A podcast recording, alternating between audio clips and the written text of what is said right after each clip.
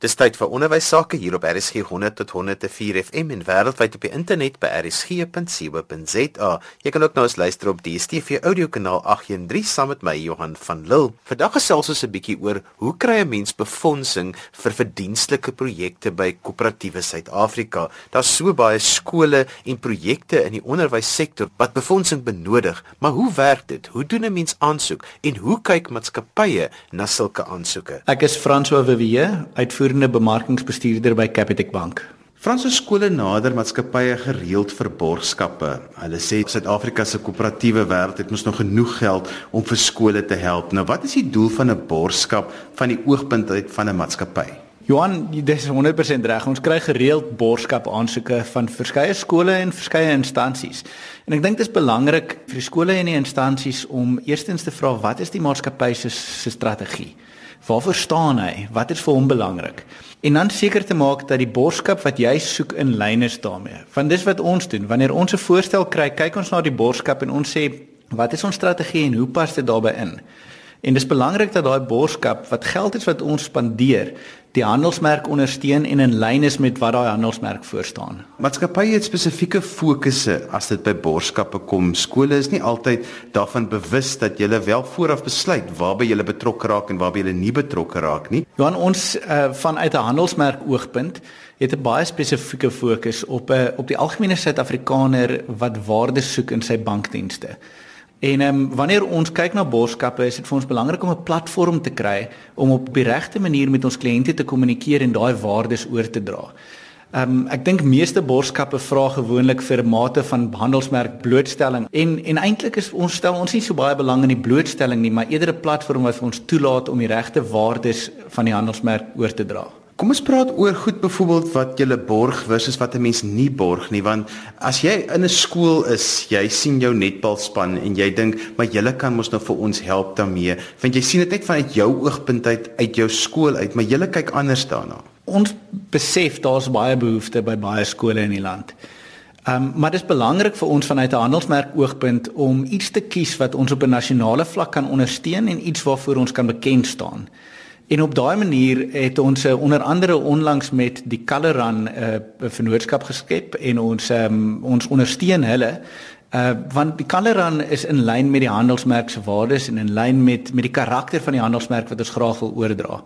Die tipe van boskappe wat ons gereeds voor aansoeke kry wat ons nie op hierdie stadium ondersteun nie is sportspanne, toere, kerkuitreike, ehm um, en 'n 'n klomp ander tipe van soortgelyke aansoeke. En hoewel hulle almal baie goeie inisiatiewe is, het ons net besef ons kan op geen manier by almal betrokke wees en 'n werklike verskil maak nie. So as so 'n instansie vir julle gaan nader op grond van die besluit wat julle geneem het, gaan julle nie die aansoek oorweeg nie. Dit is maar hoe dit is en mense moet dit eintlik vooraf hulle self uitwerk. Dit is ongelukkig so.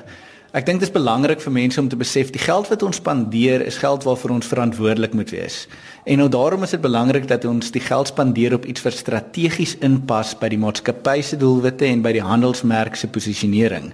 En ons moet baie krities wees oor hoe ons daai besluite maak en ons kan ongelukkig nie vir almal ondersteun nie. Nou wat is die verskil tussen 'n borgskap en 'n koöperatiewe maatskaplike verantwoordelikheidsprogram want baie mense daar buite besef nie dat dit twee totaal verskillende goed is binne 'n maatskappy nie, maar albei is belangrik vir maatskappye. Dit is reg. Uh, ons borgskappe sien ons eintlik as deel van bemarkingspandering. Borgskappe het spesifieke doel om 'n sekere gedeelte van 'n marksegment te raak en op 'n manier met hulle uh, in hulle persoonlike lewens um, relevantie te kry. Uh dit is soortgelyk aan advertensies, maar dit dit vind aanklank by mense by iets wat vir hulle belangrik is en wat wat hulle lewe ondersteun. Dit is belangrik vir ons dat ons borgskappe waarde tot die maatskappy toevoeg en dat ons daai waarde kan meet. Korporatiewe sosiale verantwoordelikheid is 'n besigheid se investering in die gemeenskap en is daarom belangrik dat daardie CSI projek 'n bydrae aan die gemeenskap lewer. Ons het 'n stigting en daardie stigting se mandaat is spesifiek basiese finansiële geletterdheid. En daarom ondersteun ons wiskundige geletterdheid en skynheidsgeletterdheid op skoolvlak. Want ons glo werklik waar dat indien ons jong mense van vandag kan leer om basiese geld en finansiële sake te verstaan, sal ons oor die langtermyn 'n verskil kan maak in Suid-Afrika en hoe mense hulle lewens bestuur. As ek 'n onderwyser is en ek het nou 'n oulike wiskundeprogram geskryf en ek hoor nou maar die stigting ondersteun wiskunde en wetenskap op skool. Ehm um, kan ek julle nader vir so iets? Ons kyk graag na na geleenthede. Ek dink dit is wel belangrik om te noem dat um, ons vra dat 'n organisasie uh, artikel 18A belastingsertifikaat kan uitreik. Ehm um, dit moet 'n nuwensgewende organisasie wees en hy moet 'n sertifikaat daarvoor hê en ehm um, die finansiële state en bankstate van daai organisasie is nodig. Hierdie dokumentasie is belangrik vir ons om seker te maak dat ons in 'n stabiele en die regte tipe van organisasie geld investeer en dat hulle werklik sal waarde toevoeg volgens die riglyne en mandaat van ons stigting. Ek wil weer terugkom daarna dat skole altyd dink dat koöperatiewe Suid-Afrika het baie geld. Dis kan hulle mos nou maklik my netbal of cricket of sokkerspan borg vir 'n deelname byvoorbeeld aan 'n internasionale kompetisie want skole het nie altyd die fondse om vir hulle kinders daardie geleenthede te bied nie. En dit kom uit 'n plek uit van ons wil die beste vir ons kinders hê. Dit is so en ek wens dit was so dat ons almal kan ondersteun. Maar ongelukkig kan ons nie. Soos ek vroeër gesê het, ons het 'n baie spesifieke mandaat en dit is belangrik dat enige borgskap ons maatskappy strategie en ons handelsmerk se identiteit sterk ondersteun. Um, ons het ook 'n beperkte begroting en ons dink dit is belangrik om daai begroting te allokeer na projekte wat op 'n groot skaal 'n duidelike impak maak en en wat die handelsmerk bou uh, eerder as om op 'n duisend kleiner projekte op 'n klein skaal betrokke te wees. Ongelukkig kan ons net nie almal help nie. Skole is hulle altyd maatskappye nader en sê hulle ons sal baie reklame vir julle gee in die gemeenskap. Ons sal vir julle 'n bord opsit by die by ons sokkerveld of ons sal um, ons sal briewe uitstuur na ons ouers toe as as julle vir ons 'n borgskap gee. Hoe werk dit? Ons het nie 'n probleem met handelsmerkerkenning nie. Ek dink mense oor die land weet nou al wie Capitec is. Dit is wel belangrik vir ons om onsself te assosieer met 'n uh, met 'n aktiwiteit of met 'n borgskap wat iets sê van wat ons doen en wat ons vir ons kliënte beteken en wat ons waardeproposisie is en dat dit in lyn is met wat ons wil kommunikeer. So dis nie eintlik tot julle voordeel as as 'n skool vir julle met sulke proposisies nader. Dit is dit gaan nie noodwendig vir julle in hulle guns swaai nie. Ongelukkig nie, nee. Jy het net dan verwys baie maatskappye het stigtings waarin hulle hulle koöperatiewe maatskaplike verantwoordelikheidsprogramme basies bestuur. Hoekom doen hulle dit en wat is die verskil tussen 'n stigting en die koöperatiewe maatskappy self? Johan, daar's drie belangrike voordele van 'n van 'n korporatiewe stigting. Die belangrikste ene is dat daar so goeie beheer in die stigting is en dat ons seker maak dat die stigting volgens 'n spesifieke mandaat handel en aan daai mandaat voldoen. Tweedens is dit belangrik dat alles wat hierdie stigting doen ordentlik gedokumenteer word en dat dit volgens die regte kanale gaan en in lyn is met die maatskappy se korporatiewe welwillendheidsstrategie. Die derde groot ene is dat die stigting toelaat vir ander mense beide binne en buite die organisasie om betrokke te raak en om daadwerklike bydrae te lewer in lyn met die mandaat van die stigting. So dit gaan nie 'n skool help om byvoorbeeld by die bank self of by die stigting altyd plekke te gaan geld vra vir iets nie. Dit gaan maar altyd na dieselfde plek toe gaan vir oorweging. Johan, die bank en die stigting het albei duidelike strategieë en uh, ek dink dit is belangrik dat die skool hulle huiswerk doen en seker maak waarmee hulle self assosieer. Indien die skole 'n projek het wat 'n uh, basiese finansiële geletterdheid ondersteun en hulle kan aan die nodige vereistes voldoen, dan is dit die, die stigting die regte party om mee te gesels. Indien daar sowel 'n projek is wat hulle glo die handelsmerk gaan ondersteun en hulle het hulle huiswerk gedoen, dan kan hulle dit aan die bank lê as 'n borg voorstel. Wanneer is gewoonlik die regte tyd om aansoek te doen vir borgskap? Ek weet skole is nou in hulle begrotingstyd, so dis wanneer mense begin dink, "Sjoe, ons kort geld." Net soos die skole gaan 'n maatskappy ook maar deur 'n begrotingsiklus. En ek dink die beste tyd is 'n paar maande voor die begin van 'n nuwe finansiële jaar. Dit gee dan vir die bemarkingsbestuurspan of die stigting tyd om hulle beplanning te doen en om seker te maak hulle pas dit in hulle begroting in. So dis belangrik om op byvoorbeeld 'n plek se webtuiste te gaan kyk wanneer eindig die finansiële jaar vir daardie spesifieke instansie sonder twyfel. Ek dink vir enige borgvoorstel of vir 'n stigting aansoek is dit belangrik om jou huiswerk te doen op die webtuiste. Oor die algemeen maak meeste maatskappye alles redelik duidelik sigbaar. En ek dink dit sal die skole ontsettend baie help om te weet waarvoor 'n maatskappy staan, wat vir hom belangrik is, wat sy strategie is, wat hy aan sy kliënte wil kommunikeer en wat sy sy welwillendheidsstigting se mandaat is en daarvolgens hulle voorlegging te maak. So as ek nou 'n voorstel ingesit het, ek het 'n voorlegging gedoen, hoe word dit beoordeel? Hoe word daarna gekyk? Enige borskapvoorstel sal deur die bemarkingsbestuurspan oorweeg word in lyn met die strategie. Daar's gereeld vergaderings waar ons die borskapvoorstelle sal neersit en uh, vir almal die geleentheid gee om binne hulle spesifieke afdelings insette te lewer en die nodige vrae te vra en uh, en dit te oorweeg binne in die begroting en binne in die bemarkingsstrategie. So as 'n skool vir 'n baie verdienstelike projek 'n nee kry, moet hulle dan twyfel of hulle projek verdienstelik is? Verseker nie. As 'n skool 'n nee kry, eh, moet hulle dit sien as as positiewe terugvoer. Ehm um, hulle moet dit ge geleentheid gebruik om te vra hoekom sê julle nee en daaruit te leer. En dit gaan hulle help om aan die volgende maatskappy insta of instansie waarvoor hulle aansoek doen 'n beter voorstel te maak. Ons gesels 'n bietjie vandag oor hoe kry 'n mens befondsing vir onderwysprojekte. Die Stichting vir Bemagtiging deur Afrikaans of die SBA is baie suksesvol met die vind van befondsing vir onderwysprojekte. Dr Niele Roos, die uitvoerende hoof en Nelmarie Kemp is een van die projekbestuurders. Ek het bietjie met hulle gaan gesels oor hoe hulle te werk gaan om befondsing te vind. Niel, julle doen gereeld aansoek vir borgskappe. Waar het julle nou al 'n bloutjie geloop en hoekom? Weet jy die ons loop bloutjies en nogal die meeste met die koöperatiewe instellings. Ek dink die koöperatiewe instellings het 'n geweldige ander persepsie van en strategieë van wat hulle doen met borskappe versus die trusts of die maatskappye wat wat wat basies bestaan uit poolgeld wat hulle moet gee vir borskappe. En daar's baie trus, né? Geweldig baie wat op 'n kulturele en op 'n taalgrondslag en veral op 'n opvoedkundige grondslag ehm um, sal borg. Maar ek vind dat met die koöperatief is ons nie so suksesvol nie. Want as ons gaan dan dan sal ons of reguit sê maar julle 'n uh, uh, ding wat ons wil bevorder in ons geval soos byvoorbeeld taal en taalbemagtiging pas nie in by ons nie want ons kan nie net vir Afrikaans ons organisasie en dit is die meeste wat ons gebeur omdat ons so Afrikaans is sal hulle sê maar ons kliënte is nie net Afrikaans nie Nou om om 'n koöperatief te vind wat eksklusief Afrikaans is, bestaan amper nie meer nie. Want 'n mens verstaan dit dat as jou kliënte bestaan uit verskeie taalgroepe, hoekom gaan jy dan net vir die een taalgroep 'n 'n 'n borskap gee.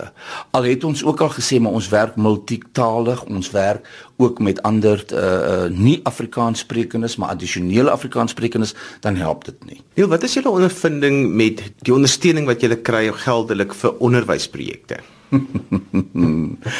Johan, jy weet ek was betrokke by die kunste. Daar het ek gekruip om geld te vra. Ek hoef nie eens meer te gaan besoek nie. As jy vir die persoon of vir die trust of vir die groep sê ons werk en hulle weet dat die ons by die SPA baie sterk in die skole werk, maak hulle die hande oop.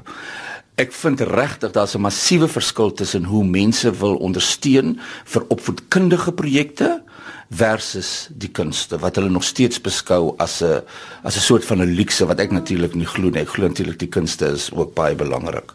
So ja, ons kry maklik geld vir die vir die onderwys.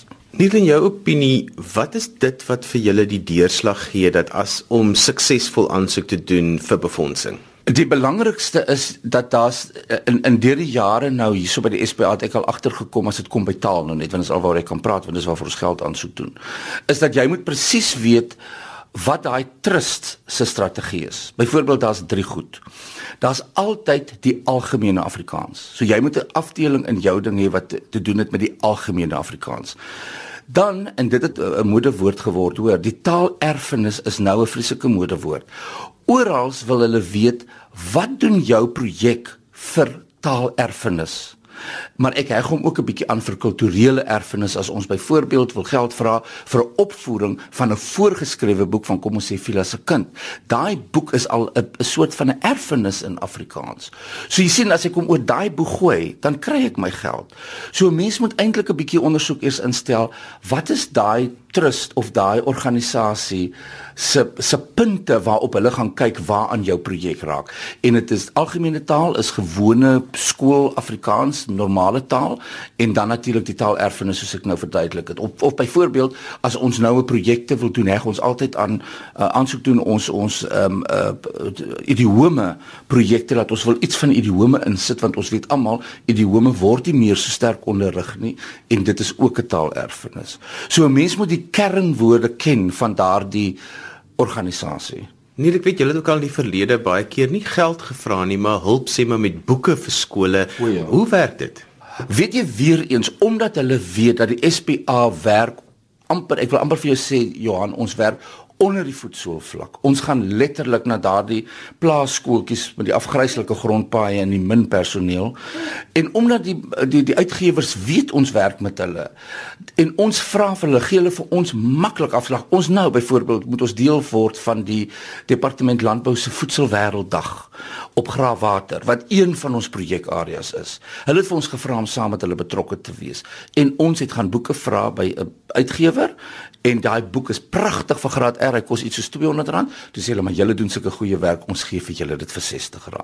Dit's baie selde dat ons iets verniet kry. Maar, maar maar ek bedoel 'n boek van R60 teenoor R200 is amper verniet. Nou maar jy's 'n projekbestuurder hier by die SPA. Jy doen al die aansoeke. Wat moet in so 'n aansoek wees vir befondsing vir onderwysers? Gee vir hulle 'n paar wenke. Ek dink die heel belangrikste is die beginpunt dat jy vir die regte projek by die regte um korporatiewe maatskappy of dan nou trust aansoek doen. En dan dink ek het jy daai inligting nodig vir jou voorlegging. As jy begin, moet jy gaan kyk wat in jou projek stem ooreen met dit wat daai organisasie graag wil bereik. So eintlik is dit maar voel dit vir my soos 'n uh, die advertensiewese tot 'n mate identifiseer die behoefte in jou uh, uiteensetting en dan maak jy die voorstel van hoe gaan jy die behoefte aanspreek. Uh daarna moet jy seker maak dat die manier hoe jy dit aanspreek pas by die styl van hierdie organisasie, dat hulle dalk voel hulle wil hierby betrokke raak, hulle het dit nog nie raak gesien nie. En dan moet jy baie eenvoudig maar ook gedetailleerd uiteensit wat beplan jy om te doen. Ehm um, mense is skepties. Daar is baie mense wat geld vra en dit speel nie noodwendig altyd uit soos die belofte vooraf gemaak is nie. So as jou uiteensetting logies is, deursigtig is, het jy 'n groter kans dink ek om dit te bereik wat jy graag wil hê.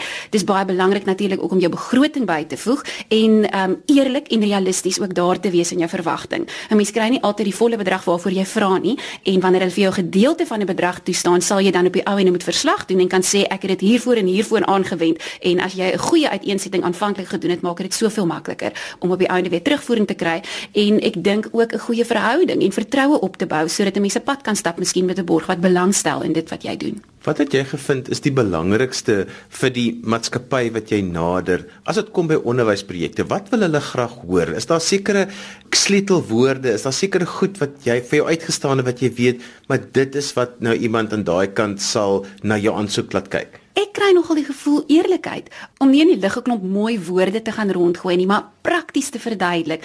Wie is die skool by wie jy gaan werk? Watter grade gaan betrokke wees? Ehm um, is as jy miskien 'n suksesverhaal uit die verlede kan gee, uh, wat so 'n bietjie meer hulle vertroue gaan inboesem, dink ek dit is dis die tipe ding waarvan hulle hou op die ou einde. Ehm um, maar ook hou dit kort. Gee inligting soos nodig is, maar moenie te veel inligting aanbied nie. As jy dink jy is dalk een van 'n 1000 voorleggings, dit wat daar staan moet die moeite werd wees om te lees. Hoe belangrik is verwysings van vorige projekte wat 'n mens gedoen het vir so borg om jou aansoek te oorweeg? Ek dink nie as jy 'n nuwe aansoeker is, is dit onmoontlik om die geld te kry nie. Geensins nie. Ehm um, as die vertroue reeds daar is uit vorige projekte, glo ek dit gaan aan jou kant wees, maar ek dink nie jy gaan uitgesluit word omdat jy 'n nuwe organisasie is nie. Miskien as jy vir die eerste keer aansoek doen, is dit juist vir hulle 'n vars benadering, iemand nie by wie hulle betrokke wil raak. Uh so ek dink nie dit moet jou afsit as jy die eerste keer aansoek doen om 'n paar nuwe organisasies te gaan soek as befondsers nie. As jy kyk na die begroting, wat hou jy in gedagte wat 'n mens voel mos baie keer jy moet meer vra as wat jy nodig is want hulle gaan in elk geval dit sny. Sjoe, dis baie baie moeilik. Dis waar wat jy sê. Ehm um, maar dan kom dit weer vir my daarop neer, ehm um, afhangend van dit wat jy uh, graag wil doen. Ehm um, Ek dink dit sal meer suksesvol wees vir jou organisasie, jy as aansoeker om te kan sê ons het op klein skaal begin en ons het 'n klein bietjie geld gevra en volgende jaar gaan ons meer vra as wat ons vir hierdie enorme bedrag aansoek doen en dit word oral afgekeur en ons het niks om daarvoor te wys nie. So ek dink moenie te gulsig wees en onmiddellik alles na jou kant te wil hê nie. Mense werk hard. Mense werk baie hard vir hierdie vennootskappe en die die vertrouensverhouding op die ou ende en sommige borgers laat jou deur ongelooflike klomp hoepels spring om hulle vertroue te wen. Maar op die lange duur is dit die moeite werd en ek dink vir alles jy 'n projek het waaraan jy glo en uh, 'n uh, bewese projek, die sukses daarvan, dan gaan dit op die ou einde definitief in jou gun stel as jy maar daai moeite aan die begin insit en bereid is om stukkie vir stukkie jou projek uit te brei. Kan ek daar inkom Johan oor die begroting? Die baie belangrike ding wat ek en Nelmarinaal opgetel het is eksakt Geld is skaars. Selfs vir die trust al het hulle baie geld. En ons het gevind dat ons moet eksakt wees in dit wat ons gevra het presies toegepas word. Ons het een organisasie wat selfs moet ons dan vir hulle inlig dat sê nou maar ons het nie die volle bedrag gebruik vir fooie of vir transport of vir wat ook al nie dan moet ons hulle inlig en dan sal daai 'n uh, 'n uh, 'n borg vir ons sê wat dan om met daai geld te kan doen. Ons het al geval gehad waar ons moes dit terugbetaal het 'n sekere deel. So 'n mens moet nooit wollerig wees in jou begroting nie. Ons het dit baie hard geleer. Jy moet eksakt wees. Soveel so dat as jy voor die tyd wil aansoek doen vir kom ons sê vir vir ver afstande vir skole op Nieuwerus of Bitterfontein, dan werk Nelmarie daai kilometer uit en ons sê dit is per kilometer. Jy kan nie sommer net 'n ronde getal sê en sê ja, maar ons gaan nou reis Nieuwerus en van Reinstorp en nou moet ons is dit R50000 nie. Nee, jy werk hom eksakt uit per kilometer per dit. En as jy dit doen, dan is hulle baie gelukkig met jou. Nelmarie so in kort, hoe lyk so 'n aansoek? As ek dit vinnig moet opsom. Eerstens moet jy seker maak die organisasie by wie jy aansoek doen om befondsing se oogmerke pas by dit wat jy wil doen. Maak hulle bewus van wat jy gaan uitdruk en hoekom dit aansluit by hulle. Derdens sit logies uiteen wat jy beplan om te doen. Vierdens stel 'n deeglike realistiese begroting op en maak seker jy kan goeie verslaggewing vir teruggee. En so gesels Dr. Niele Roo en Nelmarie Kemp van die SBA, die Stichting vir Bemagtiging deur Afrikaans. Ons vandag bietjie gesels oor hoe 'n mens befondsing kan vind vir verdienstelike onderwysprojekte. Onthou jy kan weer na vandag se program luister as 'n potgooi laai dit af by rsg.co.za. Skryf gerus vir my indien jy enige kommentaar het op die program of as daar onderwerpe is wat jy graag wil hê ons moet aanroer in ons in die onderwys. My e-posadres is Johan@wwd.co.za daarmee groet ek dan vir vandag tot volgende Sondag van my Johan van Lille. Totsiens.